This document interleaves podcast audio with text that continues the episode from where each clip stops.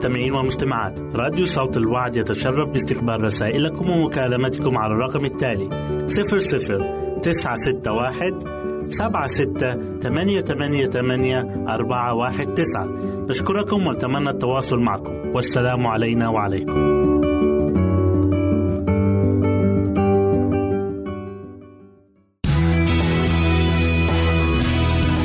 استماع وتحميل برامجنا من موقعنا على الإنترنت www.awr.org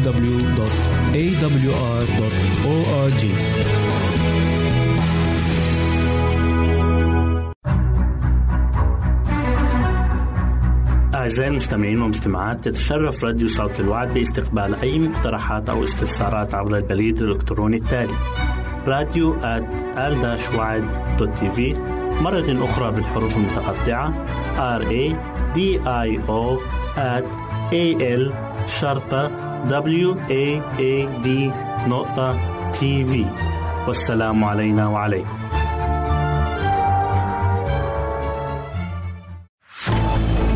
أعزائي المستمعين والمستمعات راديو صوت الوعد لا يكتفي بخدمتكم عبر الموجات الصوتية فقط بل وإنه يطرح لكم موقعا إلكترونيا يمكنكم من خلاله مشاهدة أجمل البرامج الدينية الثقافية الاجتماعية وغيرها من المواضيع الشيقة. يمكنكم زيارة الموقع من خلال العنوان التالي www.al-waad.tv مرة أخرى بالحروف المتقطعة www.al-waad.tv والسلام علينا وعليكم.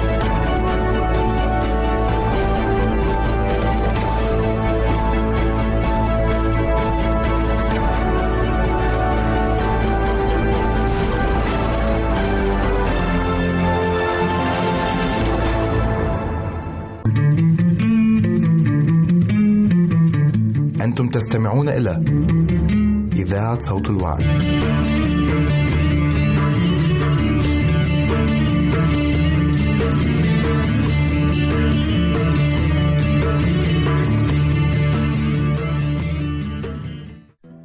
الشفقة والإحسان تفتح فمها بالحكمة وفي لسانها سنة المعروف أمثال 31 آية 26 إن الرب سيساعد كل واحد منا حيث نحتاج المساعدة بالأكثر وذلك في العمل العظيم حول الغلبة والسيطرة على الذات. دع سنة اللطف أن تكون على شفتيك وزيت النعمة في قلبك. إن من شأن هذا أن يعطي نتائج مدهشة فستكون رقيقا عطوفا دمث الأخلاق. أنك بحاجة إلى كل هذه السجايا مجتمعة. ينبغي قبول الروح القدس في أخلاقك. عندئذ تشعر أنه قنار مقدسة. وضع فوقها بخور عطر يصعد إلى الله. لا من شفاه تدين بل بوصفه شفاء لنفوس الناس. وستعبر ملامحك عن الصورة الإلهية. ينبغي ألا تخرج من الشفاه كلمات قاسية نابية جارحة. فهذه نار غريبة ينبغي طرحها خارجا. بعيدا عن كافة اجتماعات الإخوة وبحوثهم ونقاشاتهم. أن الله ليطلب إلى كل نفس تعمل في خدمته أن تشعل بخورها من النار الإلهية المقدسة من الموقد الإلهي. إن الكلمات العامة الخشنة التي كثيرا ما تبدر من شفتيك ينبغي التوقف عنها فورا وأن يتحدث بدلا منها روح الله من خلال الوسائط البشرية. فعن طريق النظر المستديم لصفات المسيح تتغير إلى تلك الصورة عينها. إن نعمة الله هي فقط التي تستطيع أن تغير قلبك. عندئذ تتمكن من أن تعكس صورة الرب يسوع. إن الله يدعونا لنكون على شبهه. أنقياء مقدسين غير ملوثين. ينبغي لنا أن نحمل دوما الطابع الإلهي. قد نتحدث عن بركات الروح القدس ونصلي من أجل استلامها. ولكن ما لم نخضع نفوسنا دوما لعمليات التطور والثقل الإلهي بالروح القدس سيكشف لنا أننا نحط بالروح القدس بعد. وعندما يشكل الروح الخلق بموجب الشبه الإلهي فإنه سيعلن بالتأكيد في كل كلمة ننطق بها وفي كل عمل نقوم به. مظهرين للعالم أنه يوجد فرق محدد بين أولاد النور وأبناء الظلام. يريدنا الله أن نقف ثابتين في الإيمان الذي سلم مرة للقديسين. ينبغي لنا أن نتكلم كلام الحق بمحبة. يقول معلمنا العظيم احملوا نيري عليكم وتعلموا مني لأني وديع ومتواضع القلب فتجدوا راحة لنفوسكم. لأن نيري هين وحملي خفيف.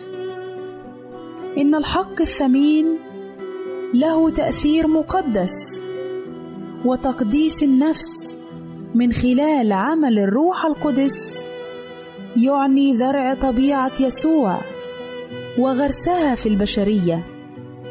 إنها نعمة الرب يسوع التي تستعلن في الأخلاق ونعمته هذه تساهم في اختبارات الأعمال الصالحة. بذلك تتجدد الأخلاق بأوفر كمال حسب صورة المسيح في البر والقداسة. إن أي إهمال من جهة المدعين أنهم اتباع المسيح وفشلهم في إسعاف أخ في ضيقاته أو أخت تحمل بمفردها نير الفقر والظلم يدون كله في اسفار السماء بوصفه وجه للمسيح في شخص قديسيه فما أعظمها محاسبة سيقوم بها الرب تجاه كثيرين ممن يقدمون كلمات المسيح للآخرين. ولكنهم لا يظهرون معها الرقة واللطف والعاطفة. لأخ في الإيمان يكون حظه أقل من حظوظهم ونجاحه أقل من نجاحهم. كثيرون يسمحون لأخ بأن يناضل ويصارع بمفرده بلا دعم تحت ظروف شاقة. وبهذه الطريقة يعطون للنفس التي يعملون معها الانطباع أنهم بذلك يمثلون المسيح. هذا أمر غير وارد فالمسيح الذي كان غنيا افتقر لأجلنا لكي نستغنى نحن بفقره فلكي يخلص الخاطي لم يوفر حياته من أجلهم. إن قلب المسيح يتلامس دوما مع المعاناة البشرية آمين.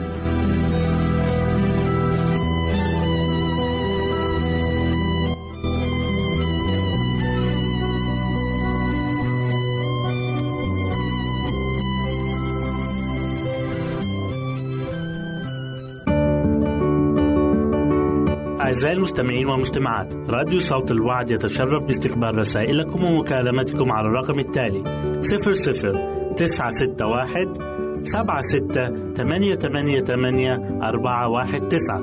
نشكركم ونتمنى التواصل معكم. والسلام علينا وعليكم.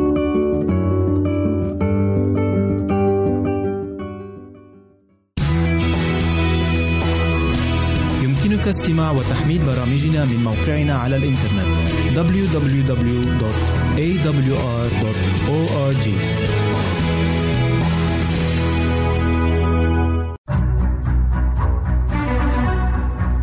أعزائي المستمعين والمستمعات تتشرف راديو صوت الوعد باستقبال أي مقترحات أو استفسارات عبر البريد الإلكتروني التالي راديو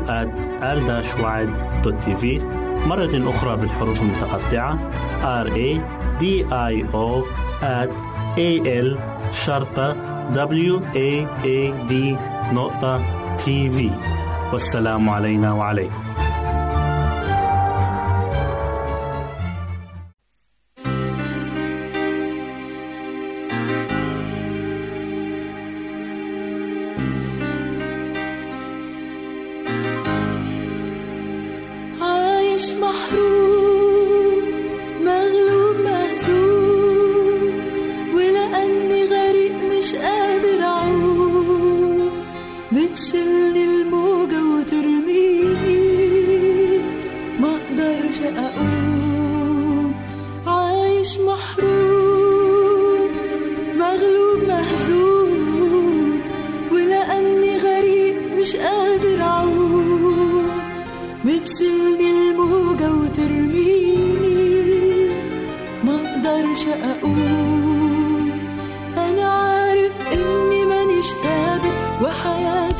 معاك دايما هشة وفي يوم طالع وفي يوم نازل شايلاني الريح زي القشاة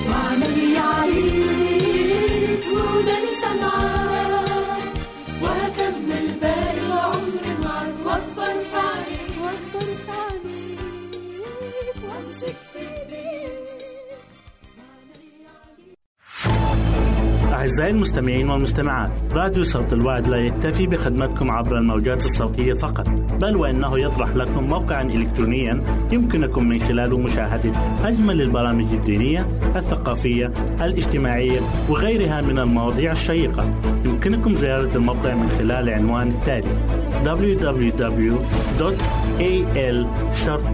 www.al-waad.tv مرة أخرى بالحروف المتقطعة. Www.al-waad.tv والسلام علينا وعليكم.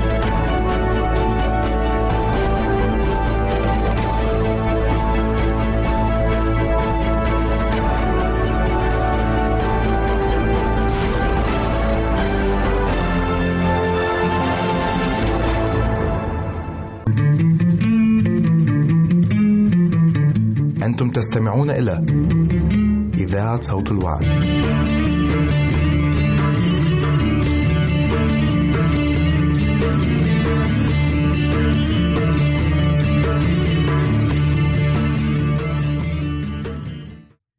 أهلا وسهلا بكم مستمعاتي الكرام في كل مكان.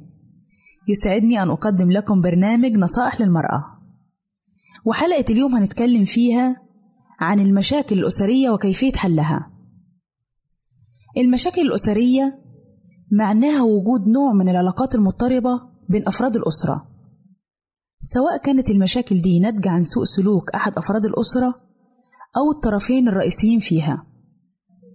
بيؤدي كتر الشجار والاختلاف بين الأبوين أو بين الأبناء وبعضيهم أو بين الأبناء والأبوين إن الأسرة تبقى في حالة اضطراب. وبيفقد الأبناء هيبة الأسرة واحترامها والانتماء ليها. وبنعرف المشاكل الأسرية ديت بتعريف كتيرة. منها المواقف والمسائل الحرجة اللي بتكون محيرة جدا لدرجة إنها تخليه مش قادر يتكيف لا مع نفسه ولا مع المجتمع اللي بيعيش فيه. وده بيكون بسبب عدم وضوح دور كل واحد في الأسرة وتعدد الأدوار وتصارعها الحاجات دي بتؤدي لوجود خلاف داخل الأسرة وبتظهر أشكال كتيرة للمشاكل الأسرية. سواء كانت بين الأبوين أو بين الأبناء. ومن الأسباب الرئيسية في وجود المشاكل بين الأبوين هي عدم فهم طبيعة العلاقة بين الرجل والمرأة من حيث اختلاف الرغبات وطريقة التفكير والاهتمامات بينهم. والاختلاف ده بيكون في محله لأن العلاقة بين الرجل والمرأة علاقة بتقوم على الاختلاف مش على التشابه. التركيب العضوي والنفسي عند الرجل بيكون مختلف عن عند المرأة. كمان نقص الخبرة والوعي عند الأبوين بتأدي إنه يحصل بينهم خلاف وده بينعكس سلبا على الأسرة كلها. نيجي لأسباب تانية بتخلي فيه مشاكل تظهر في الأسرة وهي التغير الاجتماعي. يعني مثلا لما يكون الأب والأم مربين ولادهم على قيم ومبادئ معينة وبعدين يجوا في وقت من الأوقات يبص يلقوا الأولاد اتحرروا من الأفكار بتاعتهم ديت وراحوا اتبعوا أي طريق تاني. يكونوا مثلا اتعلموا من أصحابهم أو من زميلهم في المدرسة. والحاجات دي بتخلي فيه فجوة كبيرة وصراع يحصل ما بين الأبناء وما بين الأب والأم. وخصوصا لما يكون الأب والأم ما عندهمش فكرة أو ما عندهمش دراية عن التغيرات اللي بتحصل في المراحل العمرية بتاعت ولادهم. لأن كل مرحلة عمرية ليها متطلباتها وليها طريقة في التعامل معاهم. فعدم الوعي بكل الأمور دي بيؤدي لحدوث مشاكل وبالتالي بينعكس على سلوك كل فرد في أفراد الأسرة. واختلاف الخلفية الفكرية والثقافية عند الزوجين في طريقة تربية الأبناء واتخاذ القرارات ومعاملة الآخرين ده كمان بيؤدي لحدوث خلاف. وكمان زي ما اتكلمنا في حلقات قبل كده إن الضغوطات الاقتصادية لما يكون في نقص في الموارد بتاع الأسرة أو الدخل بتاع الأسرة محدود دي كمان بتسبب خلافات أسرية. وحتى كمان لو دخل الأسرة عالي وكويس لكن مفيش تخطيط وموازنة ليه برضو ده بينتج عنه خلاف ومشاكل أسرية. بيختلف تأثير عمل المرأة من أسرة للتانية. ممكن يحصل صراع في الأدوار. واختلاف في سيادة الأسرة وتنسيق المسؤوليات والأولويات والأمور المادية. ساعات بيحصل صراع بين تحقيق توازن بين متطلبات العمل والأبناء والزوج وبين إن المرأة تحقق ذاتها. وعشان نتجنب كل المشاكل دي إنها تحصل لازم كل فرد في الأسرة يعرف كويس إن فيه قائد للأسرة وده بيتمثل في الأب والأم وإن صمام الأمان للأسرة هو القائد اللي المفروض كل واحد في الأسرة يدرك إن ليه دور مهم جدا. لازم يكون فيه شخص يقدر يحسم كل الخلافات اللي بتحصل. لازم الأسرة تتعود تسمع بعضيها. يلجأوا دايما للحوار الناجح والاستماع والمهارة الإنسانية اللي تقدر تمكن كل طرف من إنه يسمع التاني. يتكلموا مع بعض ويتحاوروا مع بعض عن أي مشكلة عشان ما تتفاقمش الخلافات وتتحول بعد كده لصراع وتصادم. الحوار وسيلة ناجحة جدا في إن كل فرد في الأسرة يفهم التاني لأنها بتسد كل طريق لإساءة الفهم. ما ينفعش أبدا أفراد الأسرة مع بعض إنهم يلجأوا للعنف والشدة مع بعضيهم. لازم كل فرد في أفراد الأسرة يكون عنده أخلاق عالية ويكون عنده رفق ويكون لين في التعامل. يحاول كمان بكل جهده إن هو يبعد عن الغضب لأن الغضب عمره ما يجيب خير. الغضب أصل لكل الشرور. ومن الأخطاء اللي بيقع فيها أغلب الأزواج لما تحصل بينهم مشكلة هو إنهم ما يتكلموش عنها بشكل واضح. وساعات كل فرد يلتزم الصمت منتظر الطرف التاني إنه يقرأ أفكاره ويعرف هو بيفكر في إيه أو زعلان من إيه. ولما بنعمل كده أو نتصرف كده ده بيفاقم المشكلة أكتر وبيزيدها تعقيد مش بيحلها. لكن لما نقعد نتكلم مع بعض ممكن يكون في سوء تفاهم أو حد قال كلمة للطرف التاني من غير ما يقصد. لازم نتعود نتكلم مع بعض بوضوح وبصراحة عشان ما نسببش مشاكل من غير ما يكون فيه مشكلة. وكمان عشان كل طرف يعرف هو غلط في إيه وما يكررش الخطأ مرة تانية. مع كل أمنياتي ليكم بحياة سعيدة يسودها الحب والسلام والوئام. إلى هنا نأتي عزيزاتي المستمعات إلى نهاية برنامجنا نصائح للمرأة. في انتظار رسائلكم وتعليقاتكم ولو عندكم أي موضوعات أو أي مشاكل عايزين تكلمونا فيها إحنا في انتظار رسائلكم وإلى لقاء آخر على أمل أن نلتقي بكم. تقبلوا مني ومن أسرة البرنامج أرق وأطيب تحية. وسلام الله معكم. أعزائي المستمعين والمستمعات راديو صوت الوعد يتشرف باستقبال رسائلكم ومكالمتكم على الرقم التالي 00 961 سبعة ستة ثمانية ثمانية ثمانية أربعة واحد تسعة. نشكركم ونتمنى التواصل معكم. والسلام علينا وعليكم.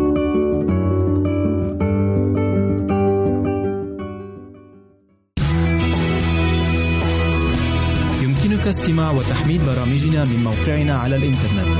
www.awr.org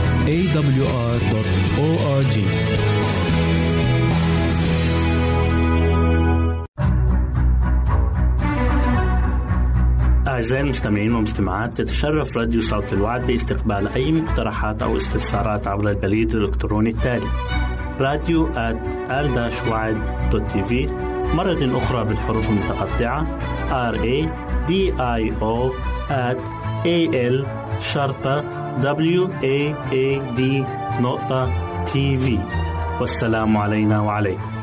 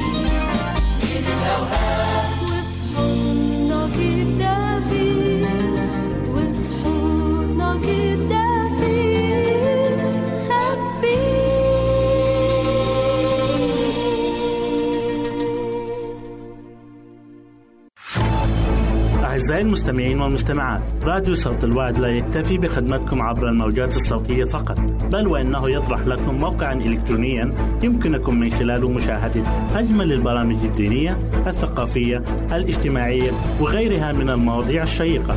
يمكنكم زيارة الموقع من خلال العنوان التالي www.al-waad.tv مرة أخرى بالحروف المتقطعة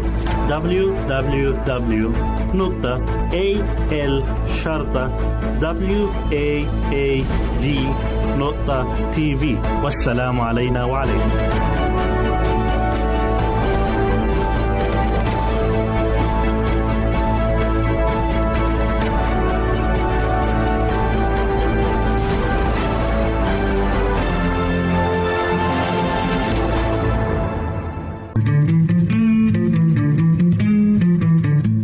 تستمعون إلى إذاعة صوت الوعد.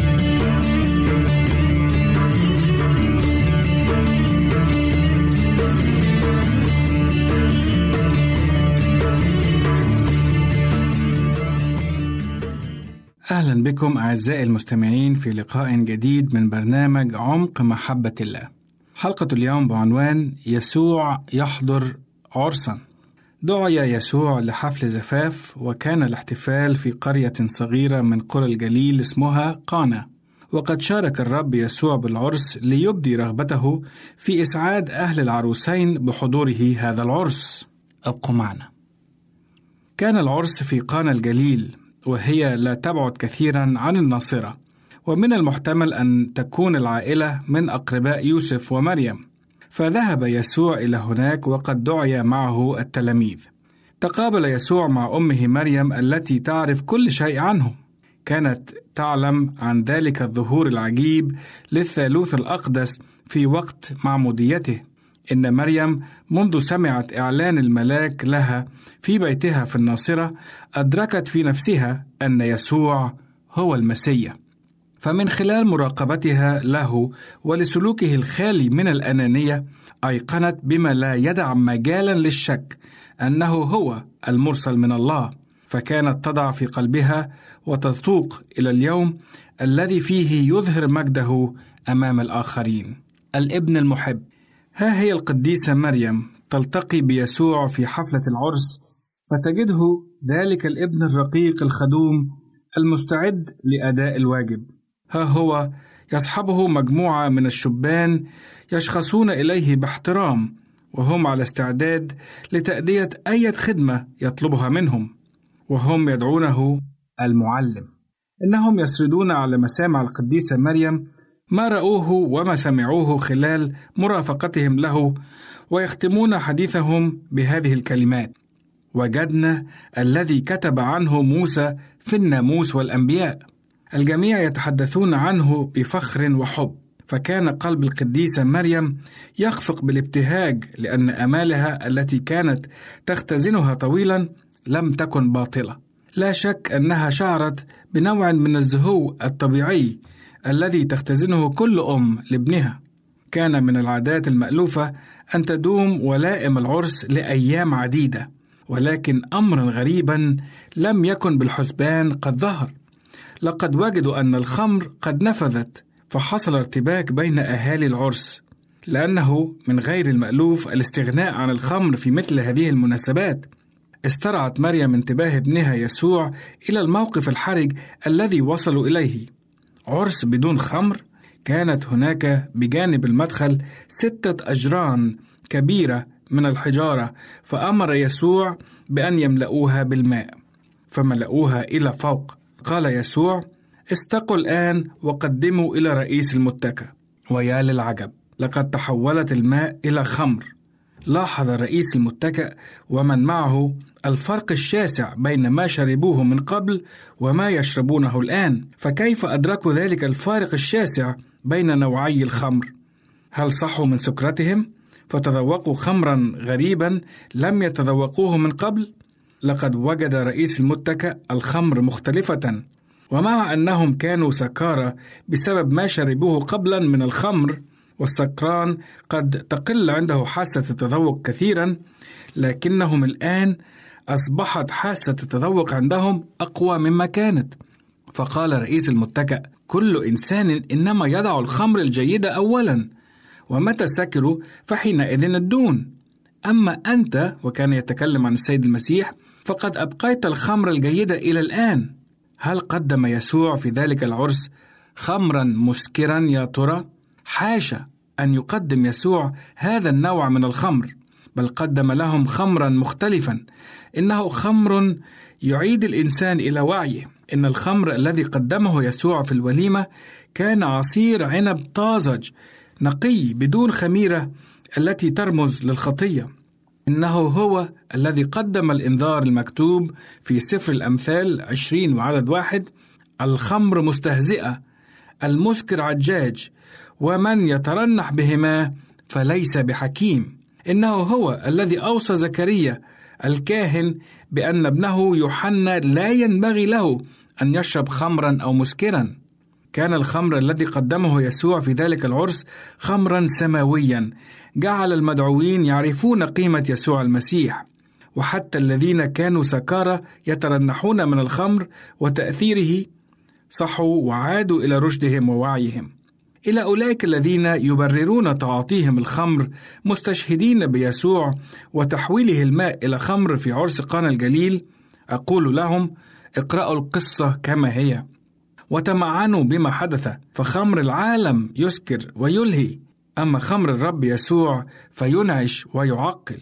أخي المستمع أختي المستمعة إن الرب يسوع يقدم لك الآن خمر دمه الذي سفك على الصليب لأجلك أنت لكي يشبعك بحبه الذي فاق الوصف. إن يسوع الآن يرغب في أن يملأ حياتك بسلام الله الذي يفوق كل عقل. فهل ستدعو يسوع ليأتي لقلبك كما قد دعي لعرس قانا الجليل؟ ليتك تقبل هذه الدعوة المباركة. آمين. إلى اللقاء في حلقة قادمة من برنامج عمق محبة الله. وإلى ذلك الحين أصلي أن يحفظكم الله ويرعاكم. أعزائي المستمعين والمستمعات راديو صوت الوعد يتشرف باستقبال رسائلكم ومكالمتكم على الرقم التالي 00 961 سبعة ستة ثمانية ثمانية ثمانية أربعة واحد تسعة. نشكركم ونتمنى التواصل معكم. والسلام علينا وعليكم.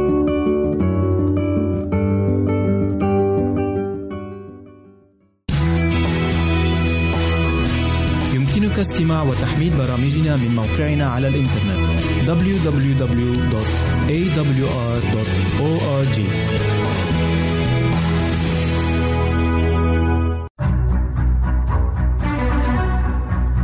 أعزائي المستمعين والمستمعات تتشرف راديو صوت الوعد باستقبال أي مقترحات أو استفسارات عبر البريد الإلكتروني التالي راديو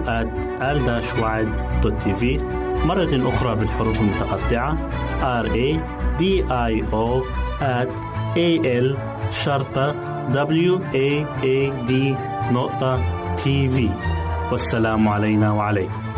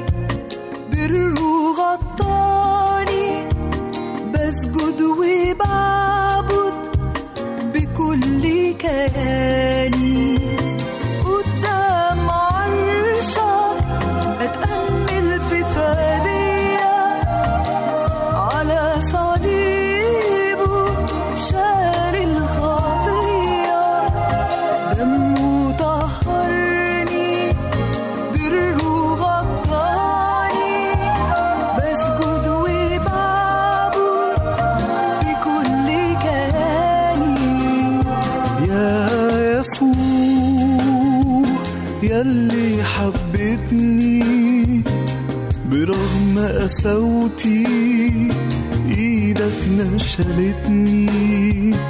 اخترت تموت عني عالصليب يا إلهي حبك عجيب.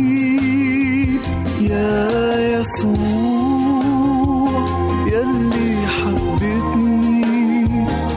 برغم قساوتي نشلتني اخترت تموت عني عالصليب يا إلهي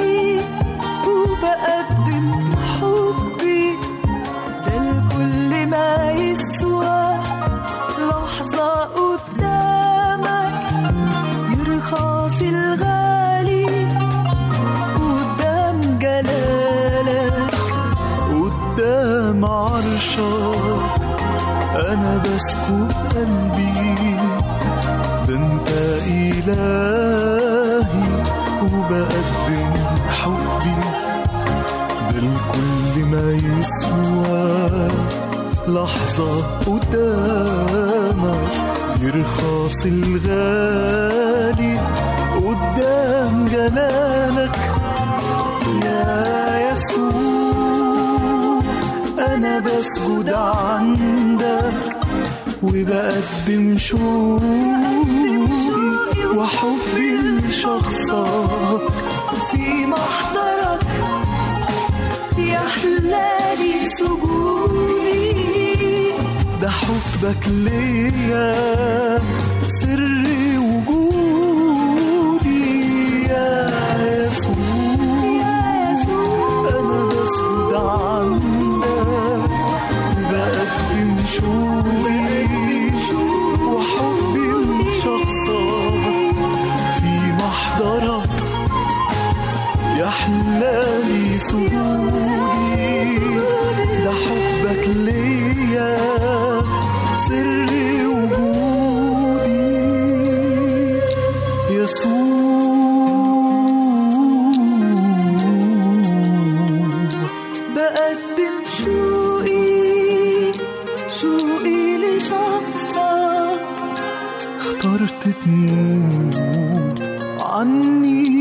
عني عالصليب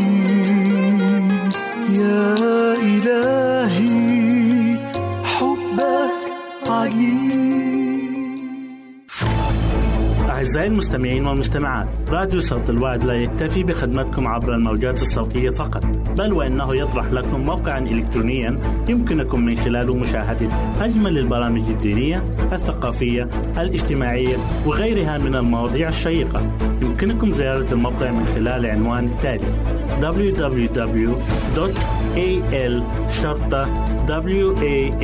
www.al-waad.tv مرة أخرى بالحروف المتقطعة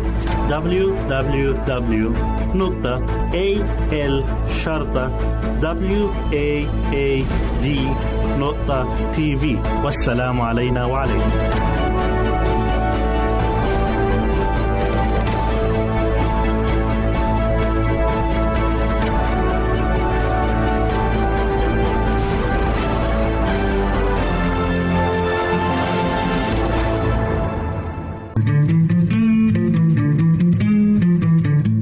أنتم تستمعون إلى إذاعة صوت الوعد.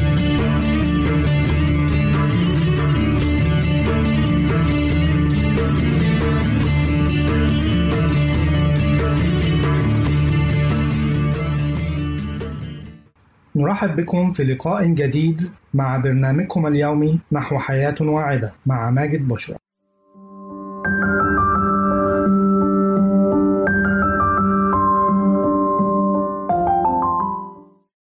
زيت الخروع للبشرة والشعر ومكافحة علامات التقدم بالسن.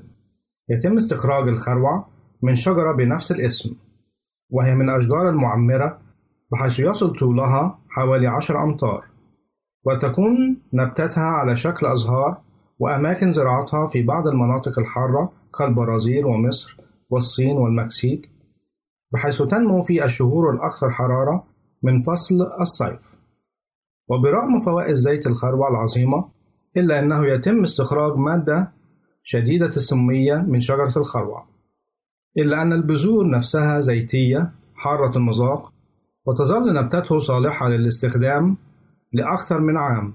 وهناك الكثير من فوائد زيت الخروع التي تم استغلالها في أمور طبية وعلاجية على مدار السنين بالإضافة إلى أنه يحتوي على بعض المركبات المضادة للالتهابات والبكتيريا.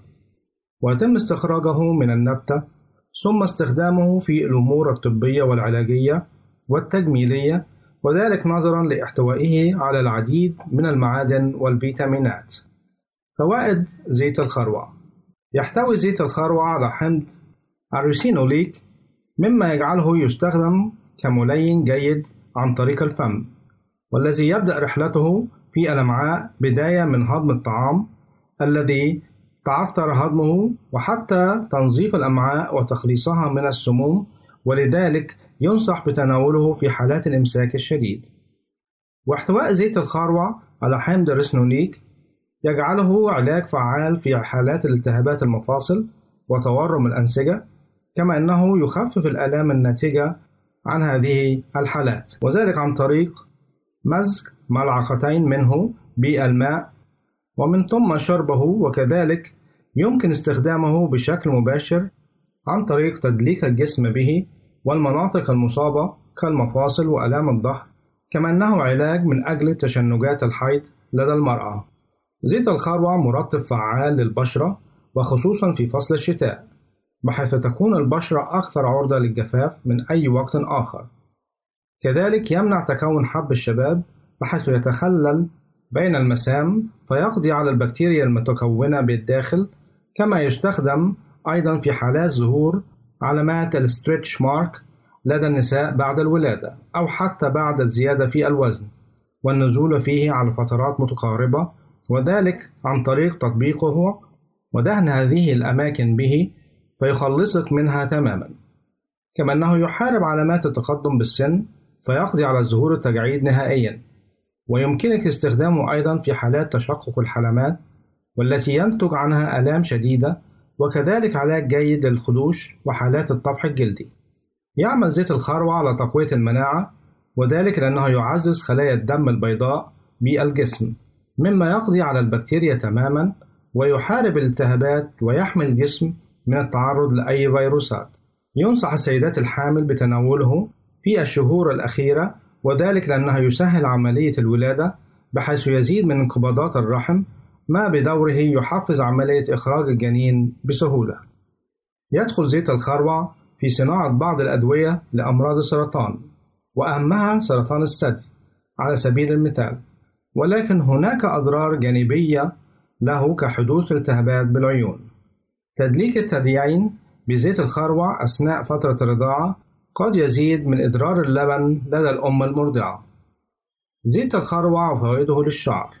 ذكرت بعض الدراسات أن استخدام زيت الخروع بمعدلات طبيعية على مدار الشهر قد يحفز من نموه بمعدل أربعة إلى خمسة أضعاف من معدلات نموه الطبيعي وذلك لأنه يحتوي على الكثير من الأحماض والمعادن والفيتامينات وأهمها فيتامين H ما يجعله ينشط حركة الدورة الدموية بفروة الرأس وينشط عملية نمو الشعر بشكل أسرع وأغزر كما أنه يخلص الشعر تماما من القشرة. وأي عدوى قد يتعرض لها سواء كانت عدوى فطرية أو بكتيرية. بالإضافة لكونه يحمي الشعر من التساقط والتقصف. ويمنحه اللمعان والرطوبة ويمكن تطبيقه على الحواجب أيضا لجعلهم أكثر كثافة إذ ما أردت ذلك. بجانب أنه يمكن استخدامه للرموش لزيادة كثافتهم ولكن مع الحرص ألا يصل لعدسة العين حتى لا يسبب أي التهابات مع القيام بهذه العملية قبل النوم حتى تستفيدوا منها الرموش دون أي عوالق أو بكتيريا قد تتعرض للعين. نتيجة لوجود الزيت على مدار اليوم وذلك بتكرار هذا مرتين أسبوعيا لمدة شهر حتى تحصلي على نتائج مبهرة. كما ذكرنا أن زيت الخروع هو علاج فعال في حالات التهابات المفاصل وتورم الأنسجة كما أنه يخفف الآلام الناتجة عن هذه الحالات. وأيضا أن زيت الخروع مفيد لعلاج البثور والتخلص من الشامات وأنه أيضا مرطب فعال للبشرة وخصوصا في فصل الشتاء بحيث تكون البشرة أكثر عرضة للجفاف من أي وقت آخر. ويعمل زيت الخروع أيضا على تقوية المناعة وذلك لأنه يعزز خلايا الدم البيضاء بالجسم مما يقضي على البكتيريا تماما ويحارب الالتهابات ويحمي الجسم من التعرض لأي فيروسات. وبهذا نأتي إلى ختام حلقتنا. نرجو أن تكونوا قد استمتعتم بها. حتى نلقاكم في وقت لاحق. لكم مني أفضل الأمنيات. نرجو التواصل معنا عبر هذه العناوين. للتشات www.al-waad.tv وللرسائل radio at al-waad.tv والاتصال عبر الواتساب 961 seven six eight eight eight four one nine. nine six one seven six eight eight eight four one nine.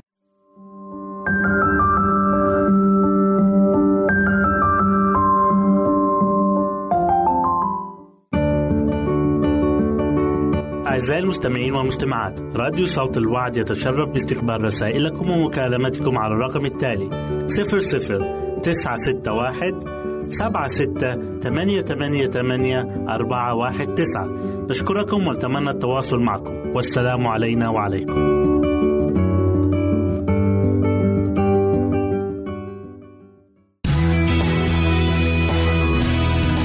استماع وتحميل برامجنا من موقعنا على الإنترنت. www.awr.org